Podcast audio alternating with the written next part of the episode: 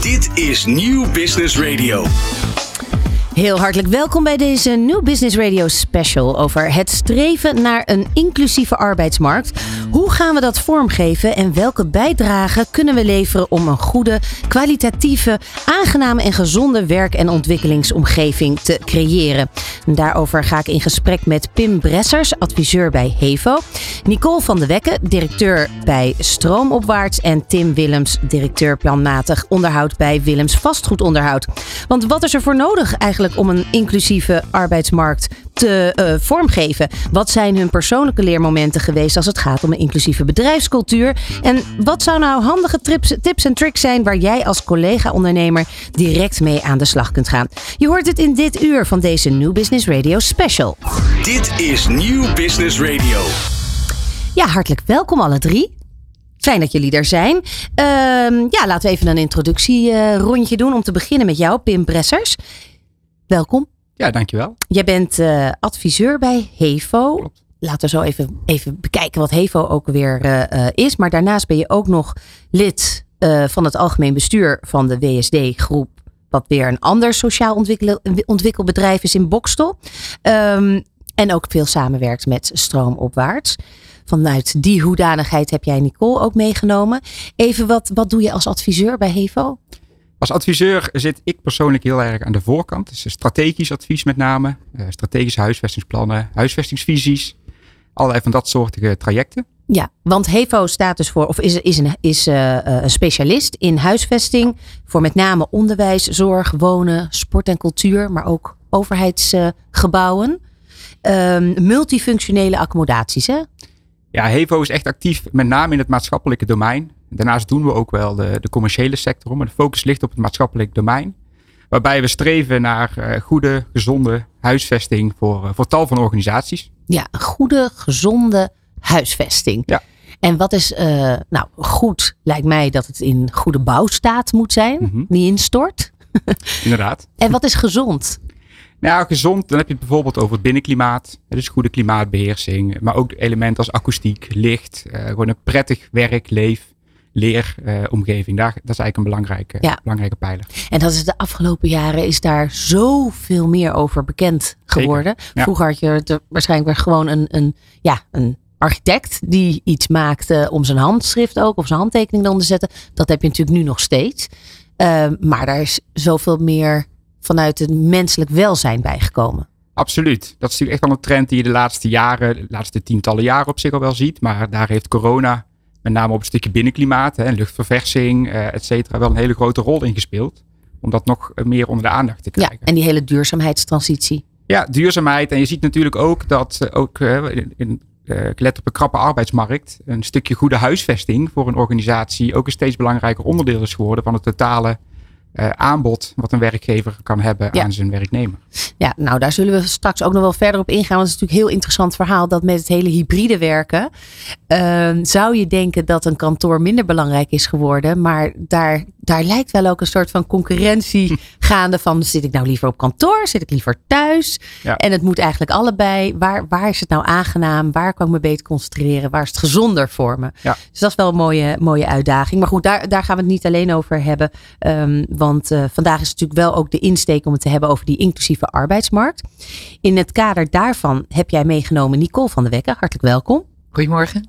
Uh, je bent directeur bij Stroomopwaarts. Wat doen jullie precies? Wij zijn een mensontwikkelbedrijf, het participatiebedrijf van Maasluis, Vlaardingen, Schiedam. We zijn ook, ook deel van, uh, uh, van de overheid. En tegelijkertijd zijn we ook een stukje bedrijf. En wat we doen is mensen naar werk helpen. En als dat niet lukt, bieden we een vangnet. Ja, als het even niet lukt, of als het, ja, als het even niet zelf lukt, dan bieden jullie hulp bij een tijdelijk inkomen. We bieden hulp bij een tijdelijk inkomen, maar we hebben ook een uh, beschutte omgeving waar, waar mensen die dat nodig hebben, die wel kunnen werken, maar niet bij een gewone werkgever, die kunnen bij ons uh, uh, in de binnenomgeving werken. En we hebben allerlei varianten daartussen. Het streven is zo normaal mogelijk aan het werk. sowieso altijd betaald krijgen voor de waarde van het werk dat je levert. Maar daar kunnen wij hulp, ondersteuning bij bieden. De gesprekken bij de ingangen bij de werkgevers. Maar ook scholing, begeleiding. En, ja, dat is ook best wel een nieuwe trend. Hè? Het betalen eigenlijk in dan wel geld, dan wel experience of uh, een beleving. In, en dan kan je natuurlijk bedenken een beleving als in een theaterkaartje. Maar zo bedoel ik het niet. Ik bedoel dus de hulp dat je betaald wordt eigenlijk met uh, het faciliteren van de normale dingen van het leven. Zoals scholen en dergelijke. Ja, nou, en gelukkig ook maar. Hè? Want natuurlijk is geld altijd ontzettend belangrijk. en, dus dat, dat wil ik helemaal niet bagatelliseren. Maar de grap van succes hebben op die inclusieve arbeidsmarkt is natuurlijk wel dat je met elkaar samenwerkt. En dan moet je niet beginnen met wie betaalt het en uh, hoeveel subsidie kan ik krijgen. Die instrumenten zijn waanzinnig belangrijk, die helpen enorm.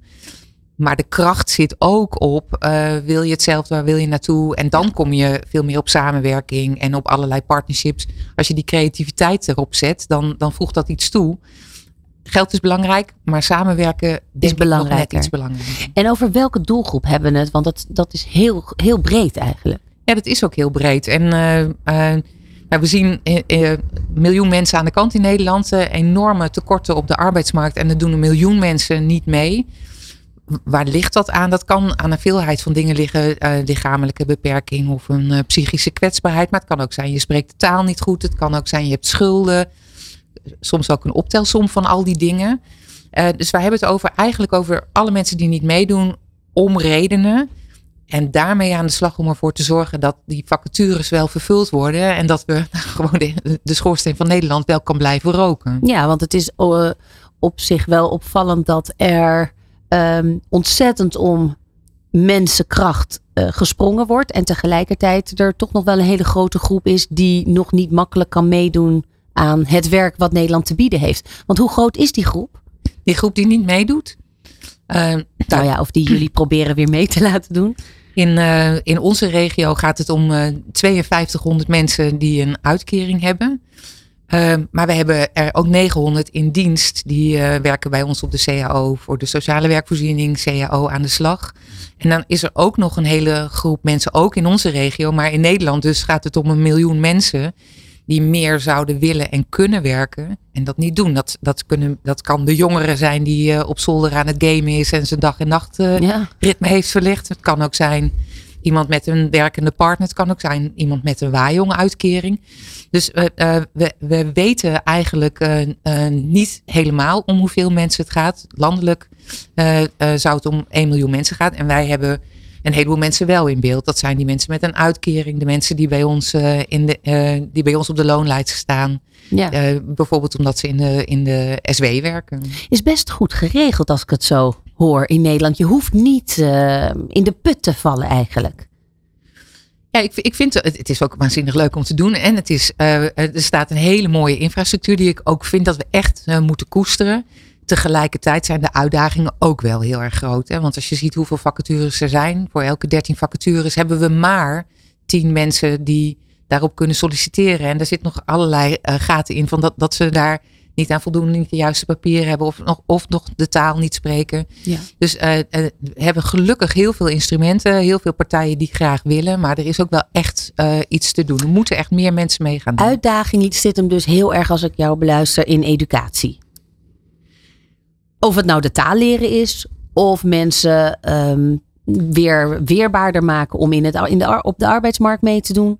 Ik denk dat het, dat het om drie dingen gaat. Ik denk dat we de mensen uh, uh, moeten kunnen plaatsen op die plekken. Dus daar heb je die, dan gaat het over opleiding, maar ook over vooroordelen die er soms ook zijn. Hè? De werkgevers die zeggen ik wil wel mensen plaatsen, maar dan moeten ze niet ziek worden. Nou, wij plaatsen alleen maar echte mensen. Ja, dat zijn de drempels, hè? daar gaan we het straks over hebben. Ja, maar, eh, eh, dus je hebt nodig dat je kan plaatsen. Je hebt nodig dat je de mensen vindt. En je hebt ook nodig dat als ze eenmaal aan het werk zijn. En daar ben ik ook blij dat. Eh, nou, we hebben nog een gast. Maar dat als mensen één keer geplaatst zijn, dat ze aan het werk kunnen blijven. blijven en er gebeurt dan weer van alles. Nou, daar moet je met elkaar dicht bovenop zitten om zorgen dat dat duurzame plaatsingen ja. zijn. Nou, we zien hier inderdaad uh, uh, in de studio aan de studiotafel uh, een mooie samenwerking vanuit Hevo met Stroomopwaarts. Uh, zit ook uh, Tim Willems bij ons aan tafel. Ehm, directeur planmatig onderhoud bij Willems Vastgoedonderhoud. Een familiebedrijf. Jazeker. Ja, al 86 jaar. Ik wou net zeggen, drie generaties aan het roer met een sociaal hart en, en lichtblauw, lichtblauwe DNA. Waar, waar, waar slaat het lichtblauwe op? Dat, is- ja, dat lichtblauw komt eigenlijk terug in onze uiting, zeg maar. Dat is heel lang al... eh, mijn opa is met bedrijf begonnen. En dat, eh, daar zat al de lichtblauwe kleur in het logo, zullen we maar zeggen. Dus eh, wij maken wel eens de grap eh, dat we lichtblauw bloed hebben. Dus, dat, eh, nee, dus als wij... ja, we proberen wel die, die, die mensen die bij ons zijn... of bij ons komen werken of uh, waar we mee werken... ehm, ja, de kernwaarden of de, de waarden waar we voor staan... om die echt ja, ook bij die mensen over te dragen en die te accepteren. Ja. Ja, betrokkenheid, betrouwbaarheid en bekwaamheid. Ja. Dat zijn Ja. drie pijlers die, die bij jullie belangrijk zijn. Kun je iets vertellen over hoe dat. Wat voor, wat, wie was jouw grootvader? Wat, wat, wat voor type man was dat? Eh, een artistiekeling. Dus dat, eh, dat was een, eh, een, iemand op de Art- en Kunstacademie gedaan. Een, een- eigenlijk een reclame, reclameschilder in, in die tijd. Deed veel bioscopen. Dan had je van die, van die prents. Dat je dan zo'n cowboy, zo'n westernfilm kwam. En dan deed hij die, die, die prents schilderen en Ja. dat soort dingen. Ehm, nou, op een gegeven moment ook reclames voor, voor, voor slagerijen en dat soort dingen. Nou, uiteindelijk is dat eh, in de oorlog eh, is dat anders geworden natuurlijk. Dus die ondergedoken gezeten. En eh, daarna is hij eigenlijk, eh, eigenlijk om het gezin te, onderhouden, is hij eh, de woningbouw ingegaan. Om ja, woningen te schilderen in de wederopstanding, zeg maar. Ja. En zo is het eigenlijk ontstaan dat hij in de woningbouw terecht is gekomen. Dus dat eigenlijk een beetje noodgedwongen, want het was een artistiekeling. Ja, Dus dat, maar eigenlijk, de- uiteindelijk heeft mijn, mijn vader en mijn oom en mijn bedrijf voortgezet. Als tweede generatie. En wij zijn nu met de derde generatie aan het roer. Ja. Dus, eh, en deze waardes komen eigenlijk ook bij hem vandaan. Ja, dat kan je wel zo zeggen. Stiekem wel, ja. Misschien niet zo gerealiseerd, maar eh, ja, wel door, te- door te trekken in, eh, in hetgeen wat we doen. Ja, Misschien denk ik ook wel, ook wel kenmerkend voor een familiebedrijf, denk ik wel. Kenmerkend voor een familiebedrijf. Maar als Ja. je kijkt gewoon na de oorlog, moest het natuurlijk ook gewoon. moest je een heel groot sociaal hart hebben. om weer met elkaar dingen op te bouwen. Dus dat, dat lijkt me ook logisch. Ehm, want want waar, waar komt dat vandaan? Dat dat zo graag een goed sociaal Nou, de, ehm, we, dat is ook de doelgroep waar we voor werken. We, werken voor, eh, we doen bestaand vastgoed onderhouden en verduurzamen. Dus ik hoor je net hele mooie dingen zeggen over kl- klimaat en verduurzaming. Nou, dan eh, denk ik, daar zitten we hier goed. dus, nee, dat is, dus dat is wat we doen. En dat doen we met name eigenlijk voor de woningbouw, sociale woningen, huisvesters. Dus met name de woningbouwcorporaties in de regio Zuid-Holland. En wij werken in die woningen en met die mensen die daar wonen. Maar dan zie je wel waar je het voor doet. En dat geeft wel, eh, eh, daar zie je soms schrijnende gevallen. Maar soms ook hele mooie gevallen. En eh, ja, ik denk dat is wel de doelgroep die het, ja, het nodig heeft. Hè? Ja. Want daar zitten toch vaak mensen die het niet voor het zeggen hebben dat ze daar zitten. Ik kan zeggen, En dan bedoel je dat er bijvoorbeeld door. Kan je daar een voorbeeld van noemen? ik kan Nou, het kijk, voorbeeld wel bedenken, maar. Ehm, kijk, dat zijn natuurlijk de, de sociale huisvesten. Die ziet wel dat er steeds meer de onderlaag, hè, de, de onderlaag of de, de mensen met een achterstand tot de werkmaatschappij, maar ook wel de achterstand tot de woonmaatschappij. Dat zijn gewoon ook mensen die gewoon, als je de normale huur misschien niet zomaar even 1, 2, 3 op kunnen hoesten. Mhm. En het is allemaal niet zo vanzelfsprekend dat je woonruimte hebt. Eh, nou, en dat, eh, dat, is, eh, dat, wordt, dat wordt veel geboden. Ik vind dat daar nog wel een negatieve swing op de woningcorporaties eh, vanuit Den Haag wordt. er wordt wel een beetje En, en wat bedoel je met negatieve swing? nou, die, ik, als je ziet zeg maar, waar die corporaties voor staan en wat ze doen en eh, met welke ehm, inzet ze dat echt doen. Hè, die mensen die daar werken, zeg maar, met, met wat voor hart zij die huisvesting op orde proberen te krijgen om die mensen goed te krijgen. Te nonchalant. Nou, er, wordt, er zijn in het verleden natuurlijk wel eens wat eh, voor dingen voorgevallen. Hè. Eh, we hebben wel eens een boot in Rotterdam. Waar, eh, dus dan, en er zijn al, dingen gaan altijd wel eens mis. En dan eh, zie je wel dat er een hele sector eigenlijk daarvoor gestraft wordt. Hè. Of daar wordt een beetje op neergekeken.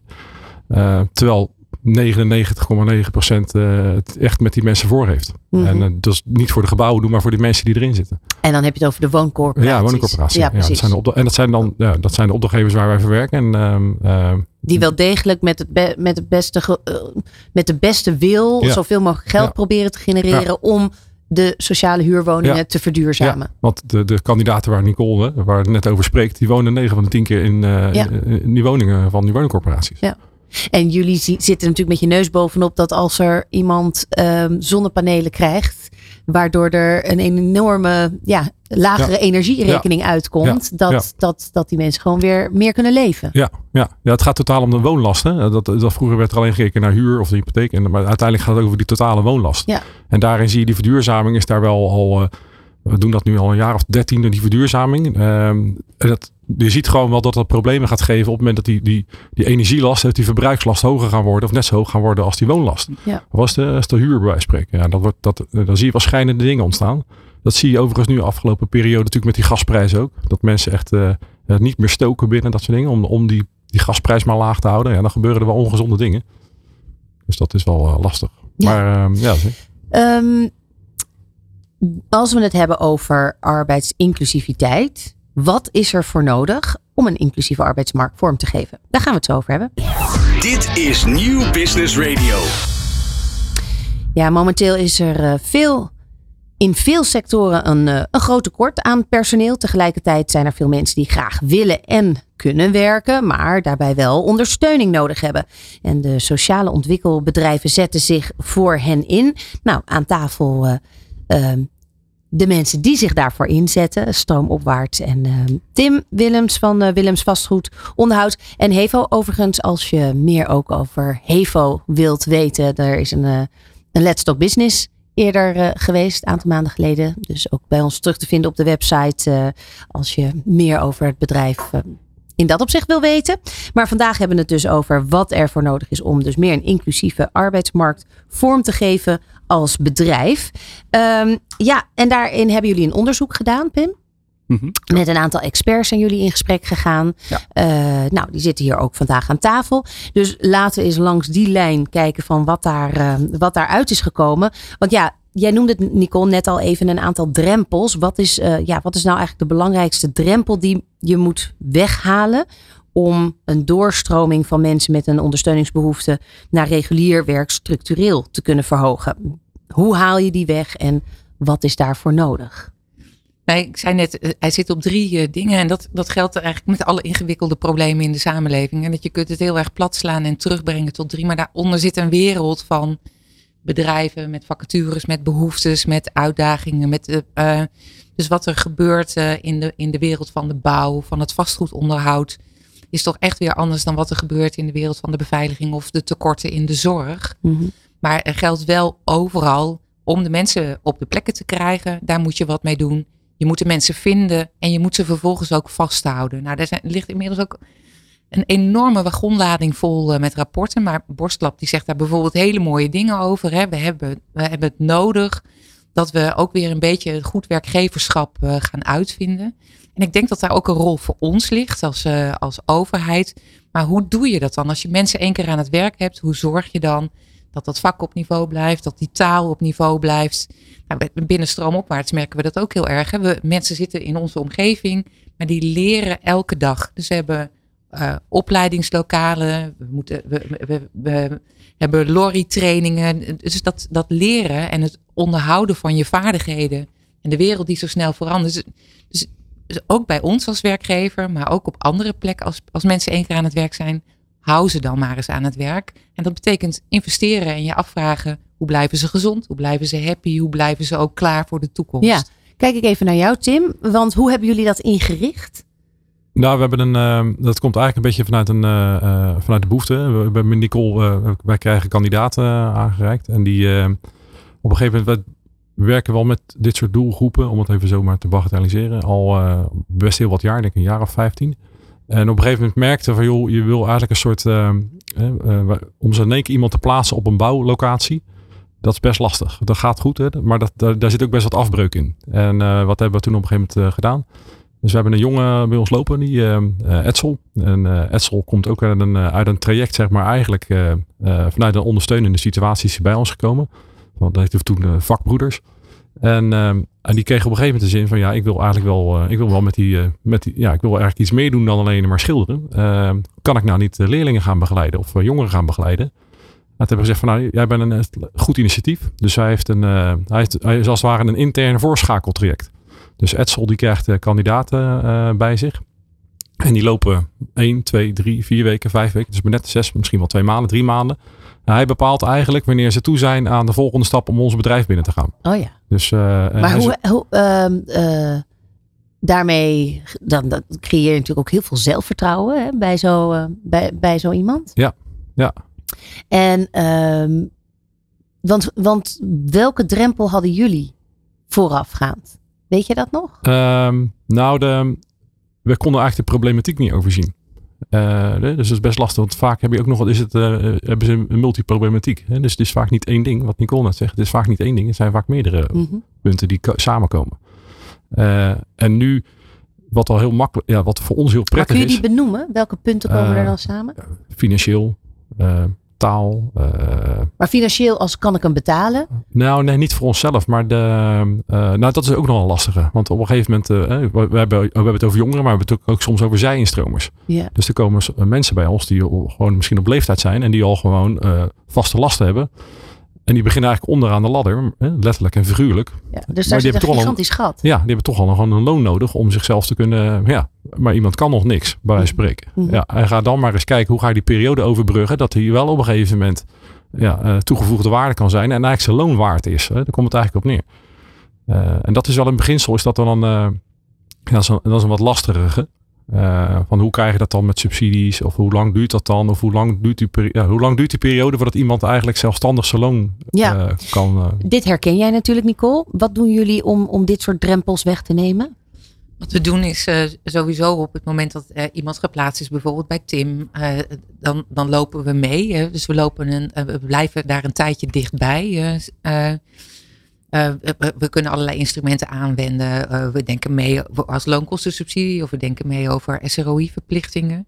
Maar we zien ook dat er meer nodig is. Uh, ik had laatst een gesprek met een aantal ondernemers en die zeiden: Ja, ik heb, ik heb iemand aangenomen, maar die raakt meteen in de schulden. Dus het eerste salaris gaat meteen gepaard met een loonbeslag. Ja. Dus er is ontzettend veel behoefte bij ondernemers om meer informatie te krijgen over hoe ga je om met schulden. Dus daar, daar doen wij dingen op. Uh, veel ondernemers op één plek en dan vertellen wat, wat kunnen we doen uh, als wat kun je zelf doen, wat kunnen wij doen.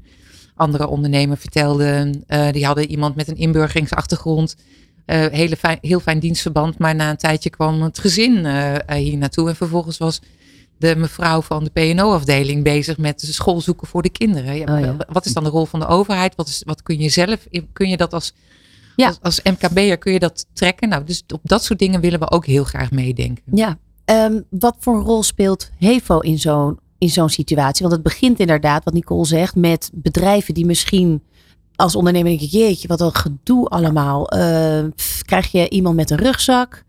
Uh, nou ja, moeten we subsidies aanvragen? Wat, wat is jullie rol daarin? Ja, voor Hevo, um, wij zijn ons ook wel heel bewust daarvan. Hè? We zijn ook aan het kijken van, goh, hoe kunnen wij daar ook, een beetje net zoals uh, als Tim ook aangeeft, ook een rol in spelen.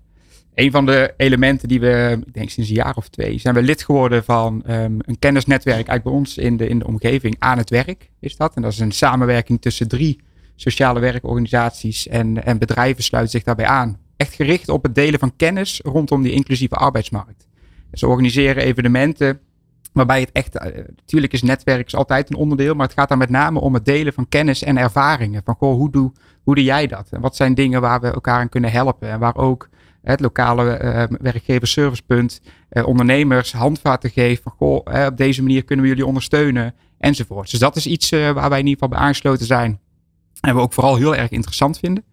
Uh, een ander element waar we ook al naar aan het kijken zijn. Um, kijk, Hevo, wij bouwen zelf niks. Hè. We, hebben projectmanagement, um, dat doen we wel. Maar uh, de bouw loopt altijd via lokale aannemers, et cetera. Maar wij begeleiden en uh, organiseren ook veel aanbestedingen. Daar zit natuurlijk een onderdeel social return vaak ook in.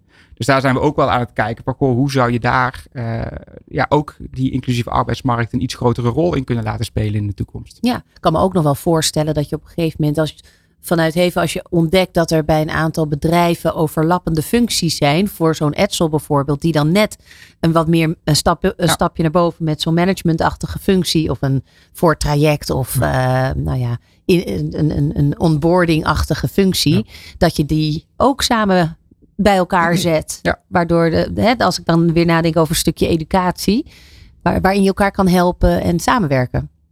Dacht ik, ik, ik gooi even twee van die ja. termen die, waar Nicole het net over heeft bij elkaar. Nee, ik ben het daar heel erg mee eens. En ik, ik geloof ook uh, dat het, het helpt sowieso al dat je het van elkaar weet. En Ja. dat je uh, heel uh, fijn met elkaar kan samenwerken.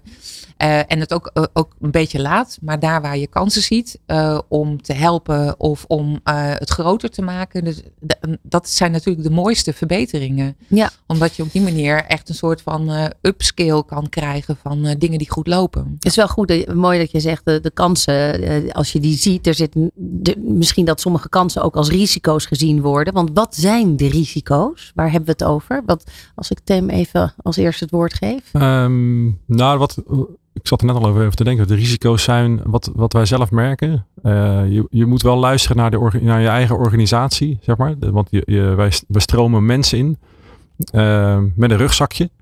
En de bouwvakkers die we hebben, die heb ik nooit aangenomen. Die heb ik altijd aangenomen op het feit dat ze goede bouwvakkers zijn. Maar die heb ik nooit aangenomen op hun pedagogische kwaliteiten. Dat waren geen, zijn geen leraren. Geen, um, dus we hebben x aantal plekken beschikbaar. Want er zijn bij ons mensen die daar heel erg voor openstaan en dat leuk vinden. Maar er zijn ook mensen die dat eigenlijk intrinsiek wat minder belangrijk vinden. Of gewoon minder leuk vinden. En je moet het niet forceren. Dus, die aantal, dat, dus op een gegeven moment zit je als bedrijf zijn, heb je een aantal plekken dat je zegt, nou, ik heb mensen waar ik gerust al iemand naast kan zetten. En op een gegeven moment daar, uh, dus je moet eigenlijk als iemand niet iemand iets wil leren, ja, dan heeft het geen zin om maar iemand, iemand naast te zetten. Want dan, dat werkt niet. Nee, Als die... Het vergt ook dus wel heel veel creativiteit van ondernemers. Om, om te kijken van hey, dit zijn de gangbare functies die daadwerkelijk hun geld terugverdienen. En, of waar we dat ook direct aan kunnen zien in de cijfers. En om een beetje die mazen in, de, in het net te vinden. Waar je dus wel iemand kan plaatsen. Maar die daar dan niet misschien gelijk op afgerekend wordt. Ja. Klopt dat? Nou, je wil eigenlijk je wil die slagingskans zo groot mogelijk krijgen. En dat is de, die slagingskans doen wij dan nu uh, door, vaak met, door, door matching aan de voorkant. En maar door zo'n inschakeltraject, zo'n voortraject, uh, vergroot je de slagingskans. Dat als diegene dan uiteindelijk op een projectlocatie komt te werken, uh, dat het ook slaagt. Ja. dus, dus van de tien kandidaten, op het moment dat daar kandidaat nummer 12 komt en er zijn er al elf voor wat geen succes is geweest, dan is de enthousiasme van die groep om iemand op te nemen wat minder groot als dat er al een paar succeskandidaten zijn geweest. En dan denk je, hé, hey, dit is leuk. Weet je? Ja. Nicole, oh, ja, je wil er iets aan toevoegen. Wat, uh, wat Tim doet uh, en de gesprekken die wij hebben gaan over uh, de, de jongens en de meisjes die bij Tim nou, net niet de, de lat halen van instappen of daar uitvallen. Ja. Ik vind het dat het ons werk is om dan te kijken of er andere ondernemers, andere plekken zijn waar iemand die dan net dat stukje daar, daaronder wel kan instappen en als dat niet kan ergens in de markt, dan kunnen we dat zelf organiseren. Dat is het voordeel van die binnenomgeving die we hebben. Uh, dat we ook kunnen zeggen, we proberen de rugzak te vullen door eerst een tijdje bij ons te zitten. Om van daaruit naar Tim of nog met een tussenstap naar Tim te gaan. Want, want de arbeidsmarkt is er natuurlijk die hele tijd in beweging. Mensen groeien en veranderen. Dus, dus je, je kunt een soort van treintjes bouwen, maar dat kunnen wij ook bij ons in, in het gebouw. Ja, dat is dat, dat beschut of bij de werkgever, kom ik zo op terug. Nog heel even bij de risico's blijvend. Uh, welk risico heb jij door de jaren heen gehoord van ondernemers waarvan je dacht, nou, nou ja, weet je, dit is echt een heel veel, heel veel gehoord argument of risico waardoor ondernemers het niet zouden doen, maar kan ik heel makkelijk wegnemen? Nou ja, ik, eh, je had het net ook over kansen en risico's. Eh, wat ik uh, wel grappig vind, het risico is eigenlijk ook alleen maar een kans dat iets zich voordoet. Hè? Dus je kunt, het is allemaal heel opportunistisch, maar ik denk ook, de, noodzaak is zo heel erg groot om hier met elkaar aan de slag te gaan, dat je eigenlijk op al die risico's kunt zeggen, kunnen we tackelen? Hoe groot is de kans dat het zich voordoet en wat, wat zet je er dan tegenaan? Dus dat voorbeeld weer hè, van iemand valt uit omdat hij een loonbeslag krijgt. Ja, we, we zijn met mensen in gesprek, heb je je financiën op orde. Als je dan geplaatst wordt, dan moet dat niet je uitvalrisico zijn. En anders dan organiseren we daar een vangnetje op. Ja. Uh, mensen gaan aan het werk en dan, dan daalt het taalniveau. Dan is die, dat, dat praktijkcertificaat op MBO 1 of 2 is een, is een jaar later alweer veel minder waard. Dat, dat geeft risico's. Um, dus daar, moet je gewoon met elkaar afspraken over maken. Hoe lossen we het op? Uh, laatst met een ondernemer gesproken die zei: Ik kan mensen niet plaatsen als ze geen VCA hebben. Dus wij zijn nu bezig om. Wat is een VCA? Veiligheidsdiploma, uh, wat je moet hebben om bijvoorbeeld op de bouw uh, rond te mogen lopen. Kunnen we delen van dat VCA naar binnen halen bij ons, zodat je dat al voor een deel uh, in die rugzak stopt voordat iemand naar Tim gaat. Dus elk risico is eigenlijk uiteindelijk ook weer een kans. Ja. ja. Als ik daarop mag. Zeker? Ik vind het wel een mooie inderdaad. Hè? Want wat dat betreft lijkt het natuurlijk ergens wel een beetje op een bouwproces. Uh, een heel belangrijk onderdeel daarvan is het inzichtelijk maken van een kans- en risicoanalyse. En als we aan de voorkant bang zijn voor alle risico's die mogelijk op kunnen treden, ja, dan zouden we in Nederland niet heel veel bouwen. Want de risico's zijn aan de voorkant heel groot. Heel groot. Maar het gaat erom hoe groot is de kans dat het risico zich voordoet en wat kunnen we doen om dat risico eh, te beperken dat het, eh, dat, dat het zich voordoet. Ja, en als het zich voordoet, wat, hoe kunnen we het opvangen dan? Ja, ja. ja. ja want inderdaad, um, een van die opties is dus beschut binnen uh, stroomopwaarts bijvoorbeeld of, of, of bij de werkgever? Hoe kan de integratie op de arbeidsmarkt het beste plaatsvinden?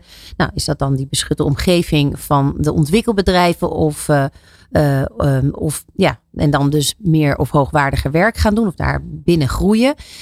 of bij de werkgever zelf met ondersteuning vanuit de ontwikkelbedrijven. Wat heeft jouw voorkeur, Tim? Ja, Zelf opleiden of ga eerst nog maar terug naar de schoolbanken? Nou, dat is lastig te zeggen, omdat de, de spreiding, zeg maar, de spreiding van de kandidaten is, de, de, die is heel groot. Dus en dat is ook misschien ook wat lastiger. Er komen zij instromers die hebben geen opleiding, maar zijn al hartstikke vakkundig. Dus dat, de doelgroep waar we het over hebben is immens breed. Dat zijn jongeren, dat zijn statushouders, dat zijn uh, zij-instromers. Uh, ex-gedetineerden. Ex-gedetineerden. Uh, dus dat maakt het ook wel lastig om één stroming te maken uh, hoe je mensen gaat opnemen en gaat plaatsen. Ja, dus dat is maatwerk. Zeg, ja, kijken van wat is iemand zijn achtergrond en waar ligt ook misschien wel zijn in, interesses. Want iemand kan, voordat hij, om het voorbeeld van een gedetineerde te nemen, voor die tijd natuurlijk in een bepaald circuit hebben gezeten. Maar intrinsiek denk ik, ik heb altijd al iets met uh, tuinen willen doen. Of uh, met, met groen. Ja, ja en, en dat, dat komt ook vaak voor. Hè? Mensen hebben uh, soms een uh, carrière van een jaar of twintig die, die in, in niet-legale circuits is en, en komen dan pas. Uh, uh, ja, ja, weten we niet allemaal pas na twintig jaar na je school wat, wat je echt wilde doen? Het gaat dus ook over schrijf niemand af. Ja. Uh, en ook als je, dat, als je zo'n achtergrond hebt, dan ook kun je, kan, wat je te brengen hebt, kan heel nuttig zijn, heeft waarde. Uh, en en de, je kunt heel veel leren, ook als je 40 jaar uh, bent en uh, nou, niet altijd alle geluk hebt gehad in je leven of niet altijd de goede keuzes hebt gemaakt. Ja, om toch eventjes terug naar Hevo te gaan en de gebouwen waar, waar jullie mee te maken hebben en mhm. je over, om bekommeren. Huidige gebouwen zijn niet meer toegerust met de hedendaagse taken van de ontwikkelbedrijven, waarin een verschuiving plaatsvindt met uh, van met name productiewerk naar een breder palet van leren, ontwikkelen, ondersteunen en werken. Wat, uh, hoe zie je dat? Hoe, wat wordt daarmee bedoeld? Nou, wat je ziet en wat je denk ik ook al hoort in het gesprek hiervoor, is dat je uh, idealiter zoveel mogelijk mensen natuurlijk op een reguliere plek aan het werk hebt. Hè? Gewoon onderdeel van de, van de maatschappij, zoals, we dat, zoals wij dat ook allemaal zijn. Um, dus die, die werkomgevingen waar bijvoorbeeld een stroomopwaarts, maar dat geldt voor veel andere bedrijven in Nederland op dit moment gebruik van maken, die zijn van oorsprong met name gericht op het beschutte werken. Dus grotere productieruimtes uh, waarin beschut gewerkt wordt. Terwijl je dus veel meer een kentering ziet eigenlijk naar ook een grote behoefte aan een leer, ontwikkel en voor een deel ook gewoon een leefomgeving. Voor die mensen die daar werken en komen is het gewoon een heel belangrijke voorziening uh, waar zij gebruik van moeten maken. Dus je ziet daar een, ja, een verschuiving naar het soort ruimtes wat zij nodig hebben ten opzichte van wat er nu is. Hè. Ik bedoel, een Want kun je daar een voorbeeld van noemen? Ja, kijk, een productiehal uh, van 4 meter hoog, 4 of 5 meter hoog, ja, die leent zich niet echt goed voor prikkelarme uh, leren- en ontwikkeltrajecten.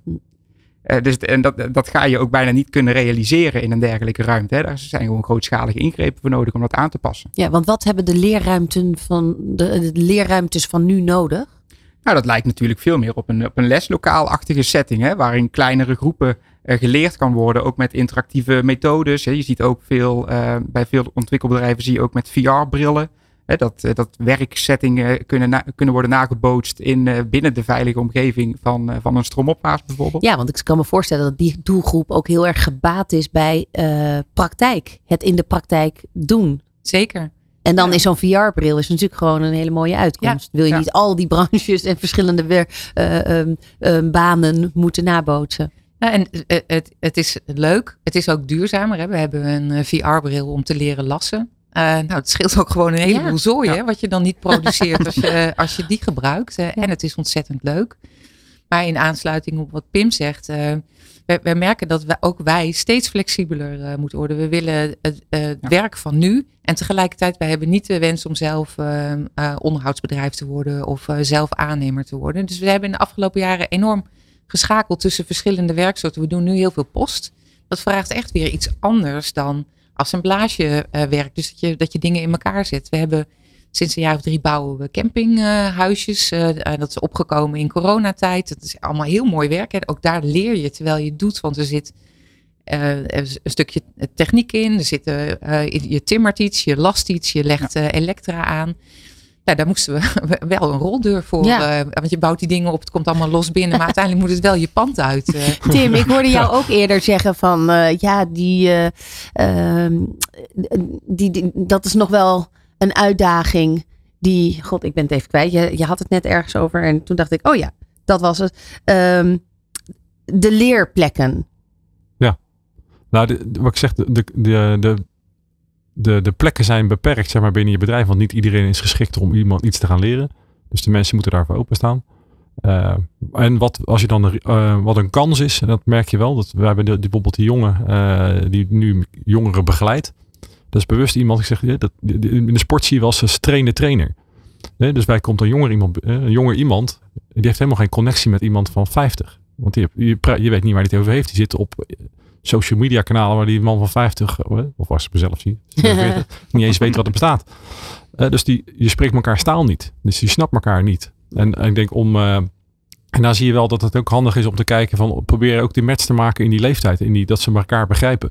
Maar wat ik, ik weet het alweer namelijk. Wat, wat, waar, wat ik bedoelde was die, eh, die werkomgeving. Waarin we zeiden van nou, Ja. het moet thuis met het hybride werken. En, en de, nie- de nieuwe werkomgeving. eh, of de, de werkomgeving anno nu. eh, moet nogal aan wat dingen voldoen. Zowel voor welzijn voor de werknemer. Als dat het bouwtechnisch natuurlijk Ja. gewoon eh, duurzaam moet zijn.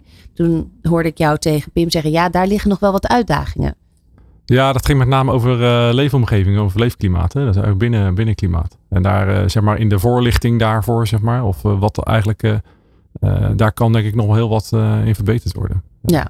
En dat, dat mensen dus, wat is het nut van ventileren? Dus, dus je gaat voor, dan denk je, het is tocht. Nee, het is tocht, dat is verse lucht, die moet je inademen. weet je. Ja, ja, ja. ja, ja. Ja, dus, dat, eh, dus in die leefomgeving, zeg maar, die binnenklimaat, daar, eh, ja, daar ligt nog wel een wereld voor ons te winnen. En dat valt niet mee hoor. Nee, dus we hebben de, de leefklimaten waar, waar, eh, nou ja, waar, waar ontwikkeling in zit. Ja. Maar ook dus de leeromgevingen waar ontwikkeling in zit. Dus dat is een leuke taak. eh, kijk ik even naar Pim. Nee, ja, absoluut. Kijk, enerzijds zie je natuurlijk een verschuiving in de functionaliteiten die een eh, sociaal ontwikkelbedrijf nodig heeft. Maar je ziet ook gewoon echt wel een kwalitatieve achterstand voor een groot gedeelte van de gebouwen. En dan heb je het inderdaad over het wel of niet aanwezig zijn überhaupt van klimaatbeheersing. Ehm, en allerlei andere eh, aspecten die voor heel veel sectoren heel logisch zijn dat ze er zijn. En dat je gebruik maakt van goede, gezonde gebouwen. Maar ja, ik vind dat soms wel eens schrijnend. En dat is natuurlijk heel erg ook vanuit een vastgoedbril bekeken. eh, op wat voor plekken ik kom eh, waar mensen eh, aan het werk zijn. Ja, de persoonlijke leermomenten. Zullen we daar zo naartoe gaan? Dit is New Business Radio. Ja, we zijn alweer bij het laatste gedeelte gekomen van deze New Business Radio special. eh, waarbij ik met eh, Pim Bressers, Nicole van der Wekken en Tim Wilms praat over een inclusieve arbeidsmarkt. En hoe je die nou als ondernemer eh, kan insteken. Ja, daar is een onderzoek eh, gedaan eh, vanuit HEVO. Jullie hebben allerlei experts gevraagd van waar zitten nou die drempels en moet dat nou, ja, hoe kunnen we dat nou het beste aanpakken? Ehm, nou ja, allereerst eh, ehm, eh, bij het uiteindelijke onderzoek, daar komen we dan zo. Ik wil van Nicole eigenlijk nog wel even weten. Wat, als je nou kijkt naar dat stuk, wat is nou jouw grootste leermoment van het afgelopen, afgelopen paar jaar? Misschien wel door corona ook. Als het gaat om die inclusieve arbeidsmarkt. Nou, dat is toch dat je, dat je elke dag iets kan doen daarin. Het zijn hele grote vraagstukken. Eh, nieuwe huisvesting, enorm eh, groot eh, thema binnen mijn organisatie. Maar dat, heeft allemaal met, op allerlei tafels, met, met heel veel dimensies, met financiën. Uiteindelijk eh, ben ik s'avonds het gelukkigst, heb ik ontdekt. Als ik, als ik de vraag kan beantwoorden, is er één mens beter voor- geworden van wat ik doe. Ja. En dat zit juist op concrete dingen gaan doen met ondernemers, met onze kandidaten. Ehm, een gesprek hebben en dan ook me- meteen dat vertalen in een actie. eh. Dus dat is, dat is mijn leerpunt. Ik, ja, hou ja. van die grote dingen. Dat is ook belangrijk. Je moet het, eh, als het gaat over duurzaamheid, moet je dat ook doen. Hè? Een beetje vooruitdenken. Maar ehm, elke dag een beetje verschil maken op een klein dingetje. Dat geeft uiteindelijk de energie. Ja, s'avonds denken, voor wie heb ik vandaag wat betekend? Sowieso een mooie gedachte. Pim, wat is jouw grootste leermoment als je kijkt ook naar de mensen die jullie onder je vleugels hebt genomen als ondernemer? Nou, ik denk, ehm, ja, in eerste instantie, je moet, het wel, je moet er wel iets voor organiseren. Dus op het moment dat je... We zitten nog niet in de tips, hè? Nee, is- dus maar als ik, als ik dan denk wat ik heb geleerd, want we hebben het in het verleden we het gewoon. De- de- deed ik het gewoon. Zeg maar, nou, kom maar binnen, ga maar aan het werk. En dan zie je toch wel dat er dan wat valkuilen zo eh, de- gedurende die weg eh, komen. En als ik dan denk, wat, wat hebben we nou daarvan geleerd? Je moet wel ergens organiseren binnen je bedrijf dat die mensen begeleid worden in allerlei vraagstukken die er zijn. Dus je moet daar toch ruimte voor maken bij mensen, die, zodat ze die, dat ze die kandidaten kunnen begeleiden. Ja, Dat je kan niet toch- zomaar zeggen, kom maar binnen met je. We, we zetten je daar En neer. eh, we doen en de rest keer gaat vanzelf. functioneringsgesprek en dan horen het wel. Nee. Nee, dat werkt niet. Nee. Dus dan, je moet je veel korter op zitten. Eh, en dan moet je mensen ook dan maar voor vrijmaken. En eh, die dat kunnen doen. En die daar de mogelijkheden voor hebben. En die er ook, ook wel verstand van hebben hoe je ze dat moeten doen. Dat is ook wel echt een bewuste keuze om, als ondernemer om, Ja. om op die manier te willen ondernemen. Ja, maar als ik dan zeg, wat heb ik daar, dus dat hebben we wel even moeten leren. Ja. Want dat de eerste paar keer dacht ik van, nou, kom, dat doen we gewoon. Ja. Weet je wel? En dan eh, met vallen en opstaan leer je dan. Dat je denkt, oh ja, wacht even. Dat, als, we dat, als we het toekomstbestendig willen maken voor die mensen, dan zullen we wel even intern iets moeten organiseren dat we ze kunnen onboorden, zeg maar, langdurig. Precies. Ja, het streven naar een inclusieve werkomgeving bij werkgevers in de arbeidsmarkt is dus het doel. Maar ja, dat is dus niet voor iedereen haalbaar. Ehm, HEVO, jullie zijn er eh, voor diverse sociale ontwikkelingsbedrijven eh, bezig met die huisvestingsplannen. Ehm, nou ja, om dus bewuste keuzes voor de toekomst te maken, is de visie op die ontwikkeling van mensen, zowel beschut als bij de werkgever, van groot belang. Dit is eh, bepalend ook voor allerlei strategische keuzes. En waar hebben we het dan over? Ja, je hebt natuurlijk allerlei keuzes als het gaat om, om vastgoed en huisvesting. Hè. Wil ik dingen in eigendom? Ga ik huren? Ehm, met name ook huren om bepaalde groei op bepaalde momenten op te kunnen vangen. Bijvoorbeeld in laagconjunctuur, hè, waar eventueel juist weer meer behoefte is aan plekken. Ehm, ga ik groeien? Ga ik krimpen? Dus het zijn allemaal elementen die je aan de voorkant in de visie met elkaar beet moet pakken. Zodat je daar vervolgens strategische huisvestingskeuzes op kunt maken. Als we gaan naar de tips, wat zouden ondernemers nou direct morgen kunnen oppakken? Gewoon eh, met- de drukke agenda's die ze al hebben. Want het is best wel een, een project wat je start. Maar toch, wat is een goed stappenplan? En dan kijk ik even naar in eerste instantie Nicole. Ja, ik denk toch eh, om, te, om die samenwerking eh, te gaan organiseren of voor je te laten organiseren. Want ehm, eh, voor een, een inclusieve arbeidsmarkt, het vervullen van die vacatures nu of in de toekomst, eh, dat, dat moet je niet alleen willen doen, dat hoeft ook niet alleen. Maar ga onderwijs, de gemeente of, of je eh, sociaal ontwikkelbedrijf, de- eh, ga, die, ga met mensen om de tafel zitten en ga dan het gesprek aan over. Ja. Eh, eh, op welke punten willen we hetzelfde en wat kunnen we dan gaan doen? En dat begint natuurlijk wel met een mindset. Waarin je als ondernemer moet zeggen: dit is wel ook zoals wij willen ondernemen. Wij willen gewoon ook op een sociale manier ondernemen. En een deel van onze maatschappij en de mensen daarin een kans bieden. Dan kijk ik naar Pim even. Wat, want wat, wat levert het je op? Welke vervulling geeft het je? Ja, het klinkt misschien een beetje zoetsappig, maar het geeft wel zingeving. Ja. Dus dat, eh, Dat is, dat is heel zoetsappig. Ja, nee, maar het geeft wel voldoening. Als dat lukt, weet je, dat is, het is gewoon, eh, het is super mooi. Ja. En eh, het maakt mensen trots en het maakt eh, ons trots, weet je. Dus dat, Ja, want, want, want hoe leeft dat in het, in het bedrijf verder? nou, dat gaat met vallen en opstaan. En dat wat ik zeg, de, de, kijk, eh, van de tien kandidaten die binnenkomen, dan moet je ook wel, een beetje met de verwachting te maken. Met hoeveel, match, hoe, hoeveel, hoe vaak lukt het, hoe vaak mislukt het. Want het mislukt ook wel eens. Bij ons dan. Het kan misschien zijn dat die kandidaten misschien bij de volgende werkgever wel lukken. Dus dat, dat het wel klikt.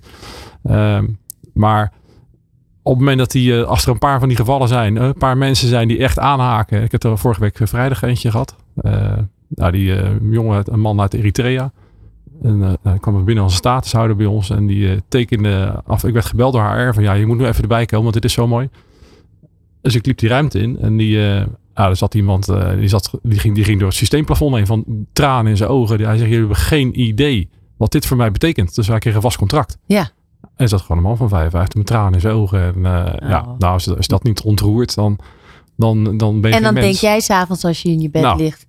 Hebben we goed gedaan. En maar ook wel, die man heeft het zelf gedaan. Maar ook met name de collega's die hem onbewust hebben eh, sociaal, dus buiten werktijd, hem eh, ook sociaal hebben opgepakt. Ja. Hè, dus eh, vrijwilligerswerk op zaterdag. Want die man zit in zijn eentje in zijn huisje. Die heeft niks en niemand. En wij hebben ze niet gevraagd dat te doen. Maar die wordt dan toch sociaal opgepakt. Ja. En dat, is, ja, dat, dat maakt dan wel, eh, dat geeft dat je denkt, nou... Dus wat is jouw advies eh, voor ondernemers om morgen te kunnen oppakken? ja, ik denk geef het de kans. Doe het. Eh, en heeft, heb misschien ook wel eh, weet dat, dat eh, de verwacht, schaal die verwachting wat af. Ja. Dus ga niet, heb niet de verwachting dat 100% lukt. Want dan wordt het een teleurstelling. En Dus- tegelijkertijd besef je ook dat er instanties zoals een opwaarts zijn. die een backup bieden. Dat als het niet goed gaat, dat, dat, dat, dat, hè, dat er een, een goed vangnet is waarin Ja. ze weer terug kunnen. Of waarin ze nog bijgeschoold kunnen worden. Of, Nou, de grootste meerwaarde vind ik dat eh, in het voorschakeltraject. Dus zij kennen de kandidaten. ja, precies. Dus in die matching, dus echt goed. Je moet geen, geen dozen schuiven. En op het moment dat je heel persoonlijk kijkt van, nou, waar zou deze kandidaat nou het beste tot zijn recht komen? En dan kijken of dat bij welk bedrijf dat is. Of bij welk voor type soort werk dat is. Ja, dat, dat, geeft, dat maakt de slagingskans zoveel groter. Ja, dus niet plaatsen om te plaatsen, maar echt plaatsen dat je denkt, nou, deze, deze past hier. hè, Deze kandidaat past hier gewoon. Ja, precies. Voor jou het laatste woord. Nou, ja, ik denk dat er, eh, eh, er ligt een hele grote maatschappelijke taak. Ehm, en dat gaat enerzijds om het voorzien in goede huisvesting, maar dat gaat ook gewoon in de, in de gezamenlijke maatschappelijke rol om daar een bijdrage aan te leveren.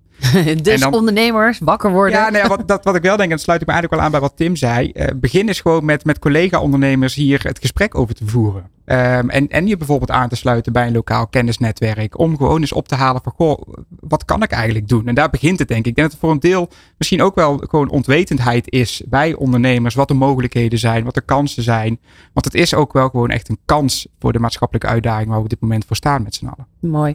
Ja, de, de laatste zin van, van jullie onderzoek is flexibiliteit is een voorwaarde om mee te kunnen bewegen met, het, eh, vraag, eh, met de vraag en het aanbod. Daarnaast is de inrichting van de werk- en ontwikkelingomgeving bepalend voor de veiligheid en de geborgenheid. Hebben we het daarmee een beetje samengevat? Ja, dat denk ik zeker. Ik denk dat flexibiliteit op een aantal punten in dit gesprek eh, terug is gekomen. Hè. Flexibiliteit in, in, in wisselwerking tussen een organisatie en een bedrijf. En ook in die omgeving zelf, absoluut. Dankjewel Pim Bressers, eh, adviseur bij Hevo. Nicole van der Wekke, directeur van Stroomopwaarts. En Tim Willems van Willems Vastgoed Onderhoud. Ik dank jullie eh, alle drie voor deze New Business Special. Graag gedaan. Jullie ook bedankt. Leuk, bedankt. Van hippe start-up tot ijzersterke multinational. Iedereen praat mee. Dit is New Business Radio.